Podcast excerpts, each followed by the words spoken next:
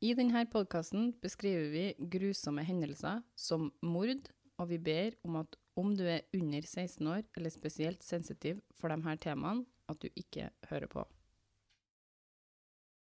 Testing, testing. Veldig satt ut av hele greia. Veldig Nå- fascinert. Litt høyere må vi snakke. kan man ikke si hallo, liksom. Det må være hei.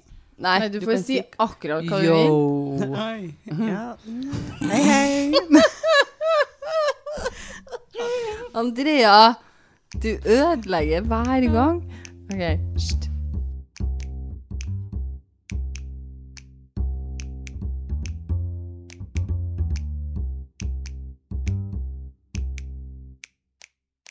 Hei, hei, alle sammen. Nå sitter vi her igjen, klar for en ny liten pause med OK. Når eh, jeg sier vi i denne episoden, så mener jeg ikke meg og tvillingene, for Martine er borte på ferie. I dag er det meg, Maria, ene tvillingen Andrea og min barndomsvenninne og bestevenninne Charlotte som sitter her. Si hei, folkens. Hei, hei. Yo. Det her er din første gang som podkaster, da, Charlotte. Hvordan tror du det blir? Altså, det tror jeg blir råbra. Føler meg som en liten proff her med mics med sånn pop-opplegg som dere fortalte meg om innledningsvis her, og Popfilter. popfilter. Veldig bra. Jeg trodde det var koronatiltak, men eh, det er visst sånn det skal være når man lager podkast. Sånn proft som dere driver på med. Ja, takk, takk. Liker deg. Pro. Like a pro. Eh, hvordan har uka vært, Andrea? Det var jo litt skummelt sist, husker jeg? Ja. Var litt redd. Jeg kjørte jo ikke hjem, vet du. Og så når jeg kom hjem, så gikk jeg Jeg skyndte meg inn. Jeg var pissredd. Og så fant jeg ut, etter at jeg hadde låst alle dørene her, at jeg hadde glemt mobilen min i bilen. Oh no. Jeg måtte ut igjen. Og jeg tok med meg en Herman og alt, vet du, bikkja. Så jeg sprang ut, henta mobilen og sprang inn igjen og låste døra. Og da ble det greit. Men Maria, hva er denne episoden her om? I dag skal vi høre om hvordan han Robert Lee Stinson ble dømt på drapet på Jon Synchas. Skal vi bare sette i gang? Mm. Vi kjører. Tidlig en morgen i november i 1983 gikk det, ifølge minidokumentaren False Positive, en mann inn på en politistasjon i Milwaukee, Wisconsin. Han fortalte at han hadde funnet noe han trodde kunne være en menneskekropp ikke langt fra hjemmet sitt. Var usikker. Det er litt spooky. Tror jeg, tror det er noe her. Det her viste seg å være 63 år gamle Jon Synchas, kledd i bare to hvite sokker og ei sko på venstre fot. Hun hadde blitt slått, voldtatt og drept. Klærne hennes lå strødd rundt på plassen hun ble funnet på, og de hadde ikke mye å gå på. De fant noen spermceller i underlivet hennes, men dette var før eh, DNA var en ting, da. Og de fant åtte bitemerker på kroppen hennes som hadde skjedd før hun døde. Spesielt. OK. De finner en kniv i nærheten, men ingen fingeravtrykk eller andre spor var å finne her. Ifølge en artikkel på The Innocence Project blir Jon Synchas sluppet av ved leiligheten sin i tolvtida på drapsnatta av en venn. Vennen så at hun gikk inn i leilighetskomplekset sitt. Dødstidspunktet blir satt til mellom midnatt og to på natta. Naboer forklarte at Jon var, hadde vært et fint menneske. Hun var kjent for å dra til ei ukrainsk kirke og spille bingo på fredager. Politiet klarer ikke å finne noe motiv for drapet, og heller ingen vitner som kunne ha sett eh, hva som hadde skjedd den natta her. I 1983 var det heller ikke noe særlig til bruk av hjemmevideoovervåkning, da, så de hadde ikke mye å gå på. Det de hadde derimot, var de åtte bitemerkene på kroppen hennes. Dr. Johnson, en tannlegespesialist og forensic det her, det er et navn du, som jeg har sagt 100 ganger til meg sjøl. En forensic ondontologist. Nailed it. Takk, Andrea. Takk. Som jeg klarte å oversette til rettsmedisinsk ontolog. Om jeg tar feil her, så må gjerne noen rette på meg. for Jeg klarte ikke å finne annen oversettelse på det her. Jeg har slått det, vet ikke. Jeg tenker det er en tannlege som vet hva han holder på med. da. Men dr. Johnson her blir i hvert fall satt til å se på bitemerkene. En rettsmedisinsk ontolog er en spesialtrent tannlege da, som bruker ekspertisen sin for å hjelpe å identifisere offer og bidra til å spore bitemerker. Dr. Johnson her da, han får noen fra etterforskgruppa til å ta bilder av bitemerkene og han lager en form, altså et avtrykk av det bitemerket som er mest markant. Han utarbeider ei skisse som tilsier at den som har påført Jon bitemerkene, er noen som har en unormalitet i en av tennene i øvre del av kjeven sin. OK. Politiet går i gang med å gå dør til dør i nabolaget og intervjue folk, da. Tre dager etter drapet kom etterforskerne til døra til en Robert Lee Stinson. Robert var en stille mann i 20-årene, og det eneste kriminelle i hans fortid var ei bot han hadde fått for å ha stjålet på butikken i ungdomsårene sine. Robert bodde i et hus med foreldrene og søstrene sine, rett ved der Jon ble funnet drept. Men blir han liksom dømt på noen rare tenner, han òg? Ja, nå må du vente og høre, da, sånn jeg skal få høre. Robert uttaler seg til politiet at han hadde vært på en fest den natta drapet hadde skjedd. Han forteller at han hadde kommet hjem rundt klokka halv elleve og gått rett i senga, for så å sove hele natta. Robert ender opp med å flire mens de intervjuer han. Og når han gjør det, vises tennene hans godt. Etterforskerne legger merke til at Robert han mangler en av fortennene sine og har ei skeiv tann nedi. Mangla dem fortann, Han mangla i fortann. men bitemerkene Eh, de hadde en unormalitet i den øvre delen av, av kjeven. Ikke lenge etter det her da, blir Robert arrestert.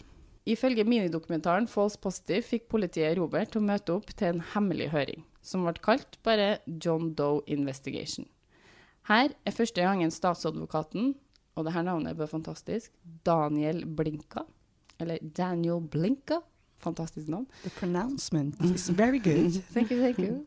Møter han Robert og sier at han syns det er vanskelig å se for seg at en fyr sånn som en Robert kunne gjøre det her. Daniel blinka i en mann. Ja, Det er en mann. Statsadvokat. Nei, forvirrer meg veldig. Daniel. Ja. Han nevner at en Robert var hyggelig og samarbeidsvillig, og han får en magefølelse på at det ikke kan være han her som har gjort det. Så han virker som en hyggelig mann. Han sier at han bare følte på seg, og han trodde de kom til å konkludere i at Robert ikke var innblanda. Men i denne høringa får dr. Johnson sett på tennene til en Robert. Dr. Johnson ser inn i munnen på han Robert en kort stund, og så nevner han skissa han har laga tidligere i etterforskninga, og den skissa den matcha tennene til en Robert. Ingen får se skissa, for den var ikke tatt med til høringa, da. Så, ingen, så han bruker det som et Han bare tok den skissa og bare huska hvordan tennene så ut på den skissa, og så bare It's him. Så god en. han. så Skulle ha vært flere av sånne etterforskere, tenker jeg, så bare Han bare This is our guy. så han bruker det som en, et bevis, han da, men Ja. uten å ha med seg beviset. Ja, han har ikke med seg den skissa her. Men Dr. Johnson kunne bekrefte at den matcha sjøl. ja. Good for him. Han sier faktisk at det er bemerkningsverdig hvor mye den matcher tennene til Robert.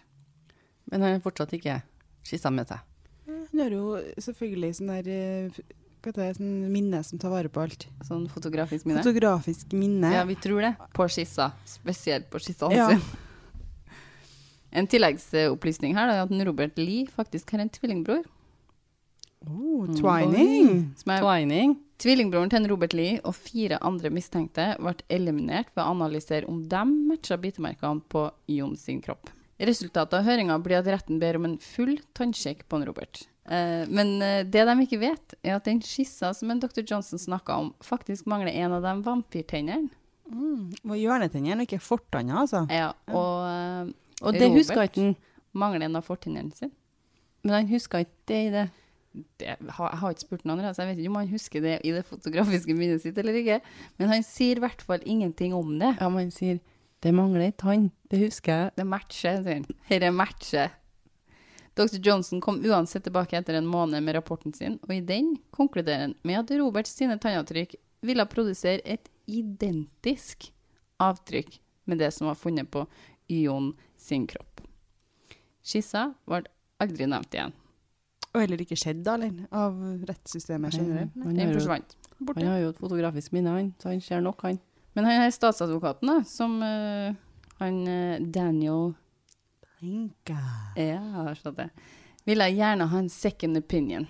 Og etterforskerne drar for å snakke med en tannspesialist til, som de får anbefalt av en dr. Johnson, da, som jeg bør nevne. Han gir dem muntlig bekreftelse på at ja, det stemmer nok det en eh, dr. Johnson sier her. Og en kompis av henne. De matcher. Han får jo se bildene, og, og mulig de har med seg det avtrykket, eller ja, Han ser på bevisene og sier ja, det stemmer nok det en dr. Johnson sier, det her matcher. Fem dager etter rapporten til en dr. Johnson var ferdigstilt, ble Robert eh, Lee arrestert og sikta for drapet på Jon. Under rettssaken forklarer dr. Johnson seg om metodene sine, som inkluderer å vise fram en modell av tennene til en Robert Lee og et avtrykk av bitemerkene. De har blitt lagt oppå hverandre for å vise at de matcher, og han legger et gjennomsiktig bilde av tennene til en Robert Lee over et bilde av bitemerkene for å vise at de matcher. Altså alt matcher. Ja. Nå må dere huske på at nå vet jo vi om kista, da. Det gjør jo ikke resten Nei, selvfølgelig. rundt den, sant? Viktig de har jo detalj. sett den i begynnelsen. Og så er det ingen som ser den skissa igjen. Den blir bare referert til. Mm. Sånn at nå poengterer jo jeg det her for dere, men de som er rundt her, dem, eller med i saken her, de nødvendigvis ikke sikkert de vet av hvordan den skissa så ut. Bare at det var en unormalitet i øvre, Ja. øvre del av kjeven. sant? Han forklarer også hvordan han kan legge modellen av tennene til en Robert Lee over bilder av bitemerkene for å vise at modellen matcher bitemerkene. I tillegg blir en ekstra ekspert på bitemerker kalt inn av retten for å uttale seg, og også han ser at de bitemerkene og modellen av tennene til Robert Lee matcher. Han skryter av jobben til dr. Johnson og sier at det er bedre bevis i denne saken enn flesteparten av bitemerkesaker. I rettsdokumentene jeg fant på Justia US Law, så ender Robert Lee opp med å endre på historien sin om hva som skjedde den natta. Oi, han endrer han. Han sier i rettssaken at eh, etter han kom hjem, så ble han oppringt av en venn, og ender opp med å gå på butikken med han klokka ett om natta. Mm. Han uttaler seg i retten om eh, at han hørte noe hysjing og noe rasling i bakgate. Men, altså, nå er han vitne til saken plutselig. ja, men han tenkte ikke så mye på det. Etter de hadde vært i butikken, gikk han hjem og la seg og sov. Og det er en ganske stor endring i forhold til hva han sa tidligere, om at han dro hjem fra en fest og sovna rett etterpå. Klokka halv elleve. Klokka halv elleve. Du har jo fotografisk minne, du også. så Du får med saken. Vennen vitner også i rettssaken og sier at han ringte Robert Lie klokka tre om natta, og at Robert Lie kom til han, og ikke omvendt. Hmm. De gikk heller ikke forbi noen bakgate, ifølge vennen til Robert Lie. Her er det mye som skurrer. Mm. Mildt sagt. Så OK, jenter. Hva tror dere egentlig her? Om dere hadde vært juryen, og dere hadde hørt det her, hva ville dere egentlig ha trodd eh, hadde skjedd? Jeg må være så ærlig og si at uh, jeg var liksom litt uh, Team Rob Lee her et øyeblikk, men nå uh, er det mye som skurrer litt her for min del. Det er mye forskjellige forklaringsissues her. Andrea, hva tenker du? Jeg tenker at ja, her er mye som skurrer, men det er mye som skurrer i rettssystemet òg, da. Ja, ja. I etterforskninga. Men det vet jo dere, hvis dere skal se bort ifra den skissa med den hjørnetanna, da, som ikke blir nevnt i rettssaken. Ja. Nei, da skjønner jeg jo at det her er Men han tannlegen som har et fotografisk minne, han vet jo fortsatt at den hjørnetanna mangler. Ja, men Dr. Johnson vil jo bare get this case, case closed, og Ja. win this, liksom ha Jo, men er det den måten å gjøre det på? Nå vet ikke om dette har noe å si for saken, det er aldri nevnt, men han Robert Lee Det er jo nevnt, Stinsen, siden du kan det. eh, Nei, det er synbart, Andrea, for at han er eh, farga. Han er en afroamerikansk eh, mann. Uh, var, Det var før Black Life Matters-kampanjen Eh, ja, altså. Det, det tror jeg betyr noe for saken. Da tror jeg rettssystemet er dem som tar feil. Fyse. Da tenker jeg bare han Han Så han plutselig bare- var han uskyldig. Ja. Fordi at han endra farve på huden, så ble ja, han uskyldig. nei, men jeg tror at han har fått uh, angst og prøver å, å redde seg sjøl. For at han nå skjønner han at uh, uansett hva jeg sier nå, så vrenger jeg på ordene mine. Hva tenker du, Slåde? Ja, jeg, jeg tenkte litt sånn sa, at ja, bare fordi at han ikke er hvit, så jeg tok meg litt i den der. Uh, men um, det er jo mye som skurrer fra begge sider. Det her er, det her er politiet sjøl som har funnet ut at de skal ta han her. Jeg henger meg med litt på den. Altså. du gjør det? Ja, Twining her. Ta han inn. Twining. Etter en rettssak som varte tre dager, og en jury som tok to timer på å bestemme seg, så ble oh. Robert Lee dømt til livstid i fengsel for drapet på Ion. False Positive, den minidokumentaren om saken, forklarer at bitemerkeanalyser tilhører en del av rettsmedisin som blir kalt pattern matching, som også inkluderer bl.a. skoavtrykk og fingeravtrykk, som gode eksempler. I pattern matching så er det gjerne en person som undersøker prøvene og gjør en subjektiv bedømming i forhold til hvor like de er. Det er ikke sånn at det nødvendigvis ikke blir rett av den grunn, men på den tida Robert sin sak eh, gikk, så visste de ikke hvor nøyaktig eller hvor unøyaktig bitemerkeanalysen var i det hele tatt. Og spesielt siden de går etter hjernen til den annen mann. Jo, men de laga jo en del av sånn eh, gummi og med sånn molds ja. skal du Jo, si, som men- former. Hvor nøye er det gjort på liket? Uh, altså, det er jo masse faktorer her, tenker jeg. Og menneskehud endrer jo seg over tid. Yes. Ja, og er det på et uh, kjøttfylt uh, område du har bedt det? Er det altså jeg tror, ja, puppene, liksom, eller er det på overarmer? Det, er det vil gjøre forskjellige avtrykk på Mm. forskjellige plasser. Da. Grunnen til at bitemerker hadde blitt anerkjent som en bekrefta metode på å identifisere mistenkte, begynte med en sak i 1975. People versus Marks, tror jeg den. Og i den saken så var de klar over at bitemerkeanalyser ikke var noe vitenskapelig metode. Men bitemerkeanalysene ble inkludert i denne saken her uansett. Og sånn balla det på seg. Noen år etterpå kom Ted Bundy-saken opp, og den saken hadde òg bitemerker som bevis. De bitemerkeekspertene ble så å si kjendiser når den saken pågikk, og deretter tok bitemerkebevis bare av, selv om det egentlig ikke er en metode som har blitt testa. Ted Bundy-saken var jo en kjempehøyprofilert sak, og det var bitemerker i den saken, og dem, jeg tror det var to stykker, De som analyserer det, her, de blir rikskjendiser. de blir litt kjendiser etter den, eller i hvert fall mens den saken pågår. Og, og i USA så har du noe som heter presidents. Presidenten. Eh, nei, Obama? presidents. Det er ikke en Obama, da. presidents er noe de kan referere til en tidligere eh, rettssak som har liksom Men hvis vi går til People versus Marks, med den fra 1975, så ser dere her. Der ble bitemarka inkludert. Det ble godtatt som bevis.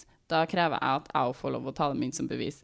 Og så fortsatte bare å balle på seg sånn. Sant? Alle refererer bare tilbake til en sak som allerede har hatt i seg, eller blitt hørt, eller de hadde fått lov til, eller whatever. Sant? Og så har det bare blitt en metode uten egentlig at noen gidder å prøve det ut. For det er ingen behov for det, for de får lov å ha det med seg i rettssakene uansett. Det er liksom ikke noe vits i å begynne å forske på det, for det er godtatt som bevis. Det jeg må presisere, er at bitemerkeanalyser er noe helt annet enn tannidentifikasjon, som blir brukt til å identifisere mennesker. For det blir jo brukt mye. Ved tannidentifikasjon, altså hvis det har vært et offer eller en ulykke eller noe sånt, og de ikke vet hvem de er, så blir tannregister og røntgenbilder brukt i en systematisk og veldokumentert metode, som er noe helt annet enn det vi snakker om nå. De siste årene har det blitt sådd store tvil i om bitemerkeanalyser egentlig er en god nok metode. I boka 'Modern Scientific Evidence The Law and Science of Expert Testimony', utgitt i 2002, så sier de at ingen har gjort grundig forskning på hvor gyldig bitemerkeanalyser egentlig er. På hjemmesida til The Innocent Project slår de fast at bitemerkeanalyser er ganske problematisk pga. at det er ingen gjeldende regler, regulering eller prosess for godkjenning som sikrer standardene for eksperter og vitnesbyrden de gir i saka. Så det er ingen som kan på en måte si eh, vi har testa sånn og sånn og sånn, så det her er ganske relevant, eller det her er ganske sikkert, eller det er ingen som har gjort noen sånne tester. Bitemerkeanalyser har vært en del av rettssaker i mange år nå, og blir ofte sett på som en akseptert rettsmedisinsk vitenskap. På tross av at det ikke er noe empirisk testa resultater på bitemerker. Og empirisk, da, Andrea, betyr at det, eh, det er betegnet vet du? Har ikke snøring, men takk for tilliten. Empirisk betegner informasjon som er frambrakt ved observasjon, erfaring eller eksperiment. Sånn at hvis du har lyst på en empirisk eh, forskning, eller eh, eh, re resultater i forhold til empirisk forskning, så kan du gjøre en del eksperiment. Sant? Du gjør en del blindtester og sånne ting, og så måler du opp hvor nøyaktig det er, eller hvor sikkert det er, eller, eller observerer noe, liksom, ja. Første gang bitemerkeanalyser ble brukt i en kriminalsak, var i 1948. Så om man ser på alle årene bitemerkeanalyser er blitt brukt, så er det svært få tester som har blitt gjennomført for å bekrefte i hvor stor grad det blir korrekte svar i de her analysene. Ifølge US National Library of Medicine er det bare en håndfull av ganger noen har gjennomført noen tester i det hele tatt. Altså, da snakket vi om gode, flotte tester som du kan peke tilbake på og si sånn, se den testen her, den viser jo at dette er ganske bra. Eksempel så viser de til i artikkelen Bitemark Evidence på en test som ble utført på 1970-tallet. Og i denne testen laga de eksempelbitt da, på grisehud. Ja. Så grisehud er jo mye mer stabilt materiale enn menneskehud. Og man får mye bedre og mye mer synlige bitemerker på det enn på menneskehud. For det er ganske mye hardere og ja. Så en test som bruker grisehud, vil ha mer nøyaktighet enn en test som ville ha vært gjort på menneskehud. I denne testen fant de ut at feilidentifikasjon, altså at de mm, ikke klarte å matche tennene som har bitt, med bitemerket, ble gjort eh, i 24% av tilfellene under ideale omstendigheter. Altså sånn når det var helt perfekt, når det liksom var god hud, godt eh, avtrykk. Ja, alt ligger til rette, liksom. For at det her skal bli ideale ja, omstendigheter. Så tok de feil opptil 24% av gangene. Og det er ganske mye. Når det ikke var ideale omstendigheter, så kunne de ta feil opptil 91% av gangene. Altså det vil si over ni av ti ganger ble det feil. da. Altså de tok et bilde 24 timer etter byttet ble gjort, og da tok de feil nesten ti av ti ganger. Altså er mer enn ni av ti er- ganger. Det sier jo seg sjøl, for hvis du biter deg sjøl, f.eks., så går du ikke så veldig langt rundt før den er borte, det merket. Nei, også i drapssaker så finner du jo gjerne ikke kroppen Med en gang. med en gang. Det har jo Nei. gjerne gått noen timer. Og da har du sikkert vi- begynt å grodd. Gror ikke så mye etter du dør, da. Oh. Å nei, det er Han som gjorde testen, poengterte at siden det var så vanskelig å få rett under ideale omstendigheter, kunne man ikke forvente noe bedre resultat av undersøkelser, gjort i faktiske kriminalsaker. Men Spesielt hvis det går etter hjernen til en annen, da. Det er veldig på han Dr. Ja. Johnsons brain. Robert Lee blir uansett dømt for drapet på Jon Sanchez. Han anker saken sin i 1986, og en av punktene han drar fram, er at deler av en artikkel som konstaterte at det var delte meninger om hvorvidt bitemerkeanalyser var en sikker og pålitelig metode, ble ekskludert fra rettssaken, og hans eh, forsvarsadvokat fikk ikke dra fram den delen av den artikkelen. Han får avslag på anken sin, og retten sier at de Jeg må flire litt. Retten sier at om de hadde fått bruke den delen av artikkelen, så ville det bare gjøre saken og juryen uhensiktsmessig forvirra. Oi. Det vil si, saken hadde kanskje tatt en annen vending. Ja. Artikkelen, jeg vet ikke hva som står i resten av den artikkelen, her, men det handler om bitemerker. Og den delen, bare en del av den artikkelen her, handler om at det er delte meninger. Altså, det er en del av den artikkelen som sier «Øh, ikke alle som er helt Ja, på». så det er egentlig på. hans favør, Ja. den artikkelen. Den delen får ikke de bruke. De For det vil gjøre dem forvirra? For det ville gjort dem forvirra. Om de skulle ha begynt å snakke om at det er noen som egentlig ikke helt stoler på de metodene her, da ville jo både saken blitt litt eh, komplisert, og så ville jo juryen blitt eh, ganske forvirra. Så han får avslag på banken sin. Men ettersom årene gikk, så ble det jo mer og mer fokus da, på det her med bitemerkeanalyser, og hvor unøyaktige de egentlig var. Så i 2005 tok det Wisconsin Innocent Project saken til en Robert Lee. Alle klærne til Jon var pakka i bevisposer, og de fikk utlevert dem. De krevde DNA-testing av spytt og blodspor på Jon sin genser, og de DNA-testene kom tilbake som ikke Robert Lee. Selvfølgelig ikke. I, I, I. Men ifølge The National Registry of Exonerations så var selv ikke det nok. OK. De måtte teame seg opp med en rettsmedisinsk ekspert som tok en ny titt på Nei. bitemerkebevisene. Slutt å tulle med meg! Og han kom fram til at Robert Lee ikke matcha bitfunnene på Jon Neal. Nei, det skulle jo han ha forklart, han som hadde hjernen, da. De måtte teame seg opp med en rettsmedisinsk ekspert som tok en ny titt på bitemerkebevisene, og han kom fram til at Robert Lee ikke matcha bitfunnene på Jon. Og et panel på fire andre eksperter individuelt så på bitbevisene, og fulltallig kom fram til den samme konklusjonen.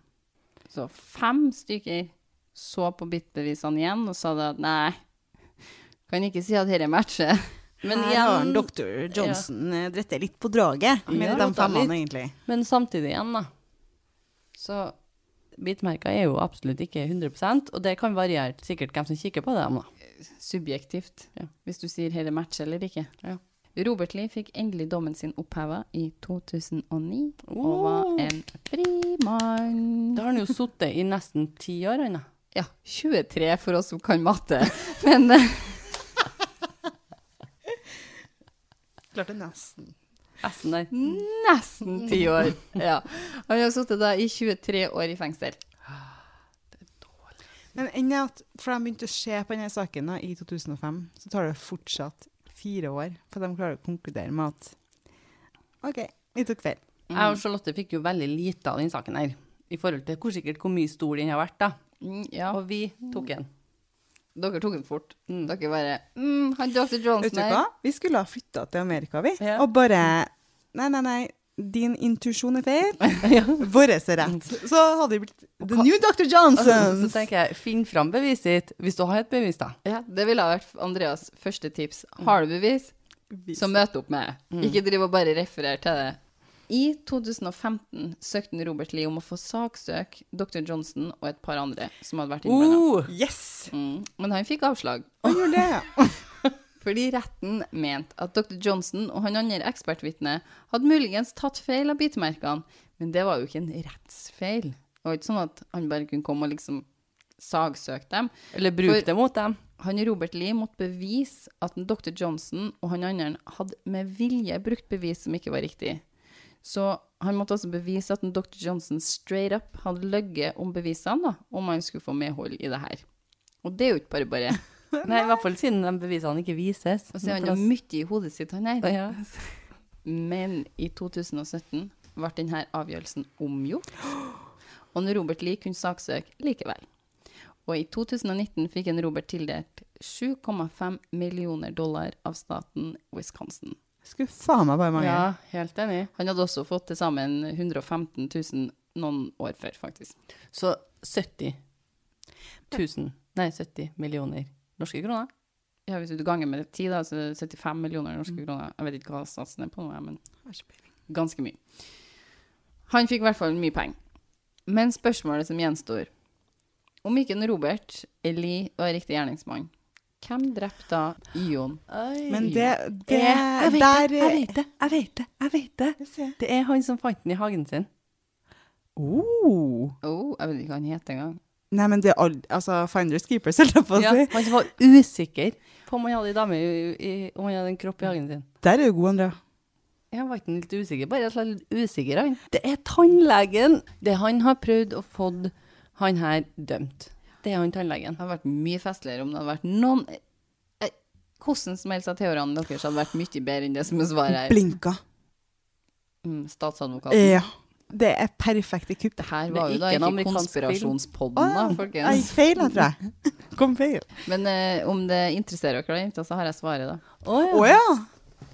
Har du? Ifølge The National Registry of Exonerations fikk politiet i 2012 et treff på DNA-et fra genseren de hadde testa, og det viste seg at det tilhørte en mann ved navn Moses Prince jr., som var 51 år på det tidspunktet. Han satt i fengsel allerede for et annet drap han hadde gjort i 1991, så noen år etterpå. Når Moses ble tatt inn til avhør, så tilsto han gans drapet ganske fort. Han fortalte at uh, han huska at han gikk etter ei dame den natta, og så hadde han bare en sånn blackout. Så det neste han husker, var at han lå over henne med en kniv i handa. Men hva med liksom komme den litt før, da? Sånn at en uskyldig mann slipper å sitte Mm, men han Men- sier videre da, at uh, hadde han visst at noen var fengsla for drapet, så skulle han absolutt ha fortalt det før, men det hadde ikke han fått med seg. Ok, når han smiler, så mangler tanna. Nei da, de sier ingenting om tennene til Moses. Han Moses sa seg skyldig i uaktsomt drap, som er second degree murder, og fikk 19 år for det. Han fikk mindre enn en Robert Lee hadde sittet uskyldig for drapet. Det er Det sykt. Det er sykt, altså. Men han, eh, han innrømte jo, da.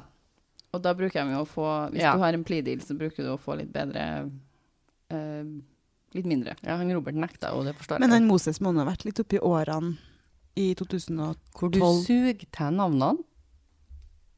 Det her er som å ha en ordentlig lytter, rett og slett, på besøk. I'm your number one fan, you know. Andre Martine sier de jo bare feil, eller eh, husker ikke hvem de heter, eller noe. Ja ja, men nå er nå jeg her. Ja. Ja, nå er jeg spent på spørsmålet Moses. ditt? Uh, ja, nå snakka jeg meg bort, men jeg tenker det var noe med Moses. Ja, ja han måtte jo ha vært ganske gammel på det her tidspunktet, når han ble eh, dømt for drapet på Ion. Ion? Det var litt vanskelig å si det, ja. ja, ja. Ion. Uh, så da tenker jeg 19 år, da har han jo sikkert vært død da uansett. Men, altså, skjønner du hvem Jeg var 51. Han kommer Ja, da i 83, ja. Nei, 51. når de fant ut Å hvem det ja, var. da har jeg fått med alt heller, altså. Nei, og så skal han sitte i 19 år. Så han skal nå ja, bli ganske gammel, han òg. Ja, Hva blir den, Andrea? Å, Mm, du ser, nå er Andrea den der memen, vet du. med 70. sånn- mm, Elsker den. 70. 51 pluss 19. Mm. 70. Nailed it. Da gjenstår det bare å si tusen takk for i kveld, jenta. Jeg må få si dere kom med veldig mange gode tanker Kan du trodd at vi kom til å komme? Nei da. Begynner bli, dere begynner å bli skikkelig varme i trærne. Og med varme i trærne så mener jeg at vi er svette under armene av angst. OK, finn oss på Instagram. Den heter en Liten pause. Vi blir kjempeglade for tilbakemeldinger. Om det er lyden, stemmene eller personlighetene dere liker eller ikke liker. Eller gjesten vår. Ja, eller gjesten. Den tar vi ikke kritikk på, faktisk. Bare send oss melding på IG. Vi vil gjerne bli bedre. Ikke at vi får endra oss mye på stemmene eller personligheten vår, da, men vi kan jo alltids prøve. Jeg ønsker alltid tilbakemeldinger. Om dere liker e-post bedre, så er e-posten vår ikke flirende. Så er e-posten vår en liten pausepodkast at gmail.com. Sammenhengende. Sammenhengende i ett ord. Neste gang er Martine tilbake, og litt twining er på agendaen. Takk for meg. Takk, for nå. meg. Nei, nå sa vi det samtidig. Takk for meg. Du sa det fort, du nå. Takk for meg. Takk for meg. Ha det. Ha det. Twining, der.